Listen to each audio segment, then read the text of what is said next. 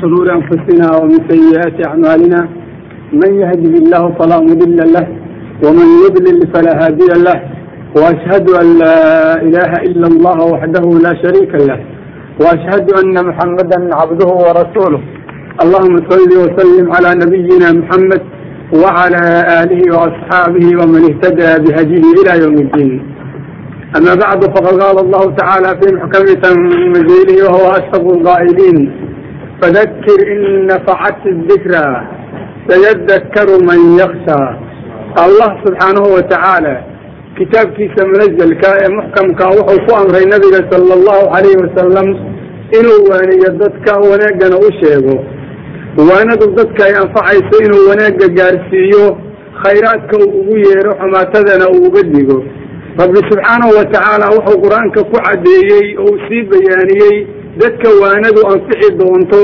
oo waxaa loo sheegayo qalbigooda uu ku jilcayo xibnahooduna ay markaa noqdaan kuwa diinta u shaqay doona. Waxau allah yidhi subxaanahu wa tacaala waxaa waanada qaata oo khayraadka fahma oo rabbigood ka cabsadaa waa dadka alla ka baqanaya. Subxaanahu wa tacaala waxa ka dambeeya inay cadaab yihiinna garanaya. Axad walba ee alla subxaanahu wa tacaala ka cabsanaya cadaabkiisa iyo waxyaalaha ka dambeeya ee qabriga dhex yaalla waanada wou qaataa khayrkana wou u dhaga nuglaadaa rabbi wuxuu markaa caddeeyey subxaanahu wa tacaala qof walba oo khayr daran oo ahlu naar ah oo aan caqli lahayn oo aan ogoon lahayn oo indho iyo dhego oo wanaagga ku arka aan lahayna inuu wanaagga marka la sheega ka cararayo oo wuxuu allah leeyahay wayatajannabuha alasqaa waxaa ka dheeraan doona waanada oo marka ilaahay waxdaaniyadiisa loogu yeero xanaadka dibinta laalaadinayo meesha ka dhaqaaqi doona. Rasuulka sala allahu calayhi wasalam ku daya marka la yidhaahna caadadii baa la ii diidayaa odhan doonaa waa qofka shaqiga ah oo naarta alla u waajibtay.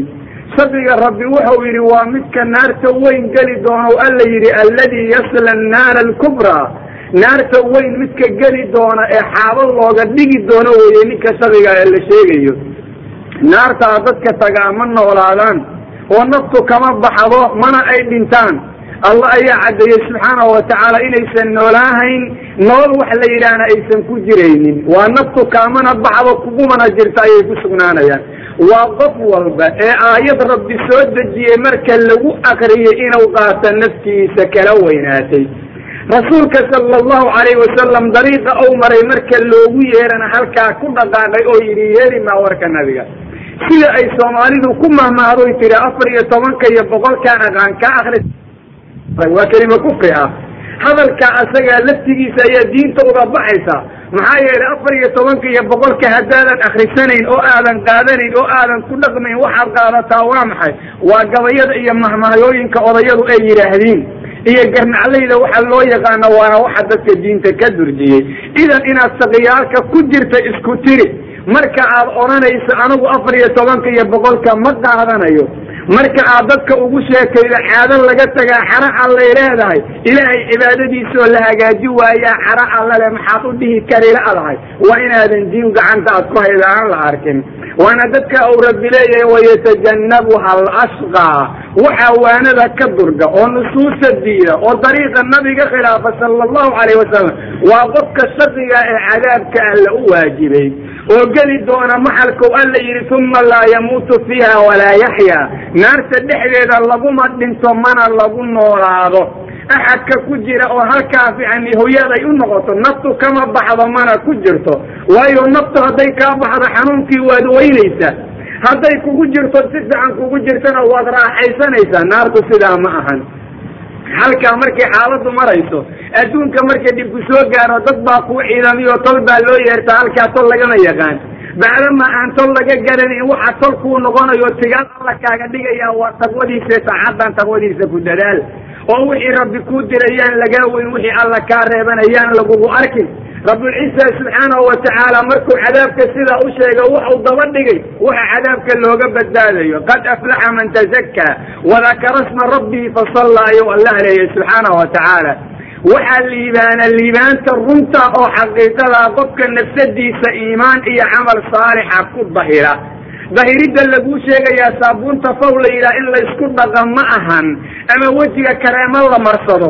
Waxaa laysku dahiraa qalbiga in shirkiga xaqdiga iyo kibirka laga dahiro. Xibnahaagana macaasida laga dahiro oo jirkaaga diinta alla loogu shaqeeyo.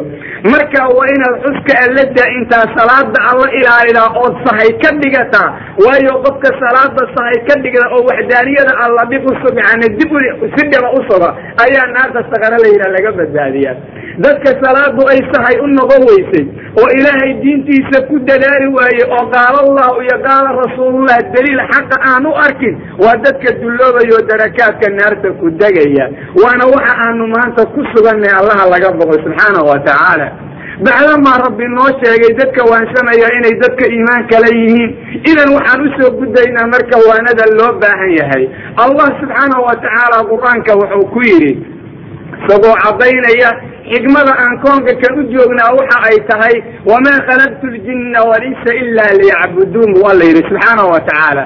Jinniga iyo insiga waa dadka iyo jinniga nafta waxaan u geliyey oon u khalqay wax kale maahane aniga inay iwaxidaan rabbi inay ii gartaan wax alla waxaan anigu u diray inay fuliyaan inta aan diidaya inay diidaan wanaag oo dhanna inay ii sugaan xumaan oo dhanna inay aniga iga anfiyaan buu rabbi yidhi subxaanahu wa tacaala sidaa haddaadan ahayn ninka alla waxiday oo rabbi wuxuu u khalqay la yimid ma tihid.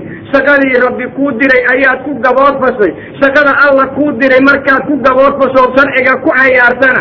Waxa hoyaadkaagu noqonaya iyo hooyadaadu waa naarta haawiye la yidhaah ee waxba hawadayaysan kula tegina rabbigaa ka bal subxaanahu wa tacaala waayo alla wuxuu yidhi xayaatada waxaan kuu geliyey oo aan adduunka kuu keenay oon rixim hooyo kaaga soo saaray waa in wax walbo wanaaga aad ii sugtid xumaan walbana aad iga anfidid wax walboo rasuulkaygu la yimid inaad fulidid ayuu yidhi allah subxaanahu wa tacaala rasuulka uu soo dirsaday sala allahu alayh wasalam wax walbow la yimid inaad fulidid ood sunnadiisa nooliyey waa waxaa nafta kuu geliyo allah leeyahay. Annagana waxay maanta naga taagan tahay nafta maxaa naloo geliyey? Saddex arrimood arrinta koowaad oo nafta naloo geliyey waa inaan lacag raadino arrinta labaad oo nafta naloo geliyey waa inaan qabyaalad u doonno. Arrinta saddexaad oo nafta naloo geliyey waa inaan xanta iyo beenta iyo ummadda isku dirkeeda kaliya ka shaqayno waa sidaan maanta ka dhiganay dadku hadday noqdaan dad ilaahay amarkiisa khilaafo wixii nafta loo geliyey ay fuli waayaanna rabbi wuxuu u ballan qaaday inuu cadaab ku sallido adduunka ku cadaabo aakhirana uu naartiisa seexiyo. Waayo rabbi qur'aanka uu ku cadeeyo dadka diinta gabal la qaata gabalna ka taga. Khizyun fi lxayaati dunya wa yawma alqiyaamati yuraduuna ilaa ashad alcadaab adduunka khizi iyo hoog bay ku noolaanayaan aakhirana ashad alcadaab baa loo celinaya. Idan inaan allah caasino waxa dhaliyey waa inaanan garanayn rabbi subxaanahu wa tacaala xikmada u adduunka noo keenay waa inaanan garanayn weli alla oonan fahmin kelimada ou yidhi allah laa ilaaha ila allah iyo rasuulkiisa waa maxamedu rasuulullah sala allahu alayh wasalam waayo qofku markuu laa ilaaha yidhaha macnaheedu waxa weeye wax kastoo rabbi diiday diiday xumaan walba alle ka anfiyey ila allah markuu yidhahna wax walbo alla ii diray fuliyey wanaag oo dhanna alla usugo keligiisaan maalignimo uga dambeeya.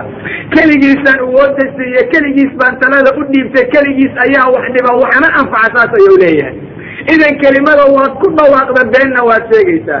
Muxamedun rasuulullah markaad leedahan axadkaan ku daydo ka dambeeyo oon jecel oon dariiqiisa marayaa waa rasuulkii alleh sala allahu calayh wasalam maanta sidaa ma taagan tahay? Yaa axadka wuxuu diida la diidayow yahay waa madaxda yaa wanaagga iyo ammaanta loo sugaa madaxda iyo odayaasha nabadoonnada qabiilada. Yaa laga dambeeya oo la raacsanyay qabiilkoo tolkaaga iyo kobtaada waa lagu dhex jiraa waa mamaayo soomaaliyeed baa lagu leeyahy ilaahay kitaabkiisa iyo sunnada nabigaa lagu dhex jiraa dadka ka maqlimaysid. Waxayna ka mid tahay waxyaalaha ilahay diintiisa looga tegayo. War kob iyo tol haddii lagu dhex jiro aawa rabbigii xayaatada ku geliyo diinta kugu dhex jir kugu yidhi. Oo kugu yidhi ina addiina cinda allahi alislaam dhaqanka iyo mabda'a lagu noolaada alle agtiisa waa islaamkuu ku leeyahy aawa mabdi'i lagugu ogaa. Oo ku noolow lagugu yidhi waa adiga odhanaya tol iyo kob baa lagu dhex jiraa saas baa laga mahmaahay haye. Ma maqlaysi saasaa rabbi yidhi subxaanahu wa tacaala. Sidaasaa rasuulku yidhi sala allahu calayh wasalam maqli maysid balse waxaa leeyahay abwaanadaa ka maamaha odayaashaa sheegi jiray. Aawa rabbi warkiisay allah subxaanahu wa tacaala annaga waxba noogama baahnay annaga u baahan yaa ayuha annaasu antum alfuqaraau ila allah laakin wallahu huwa alganiy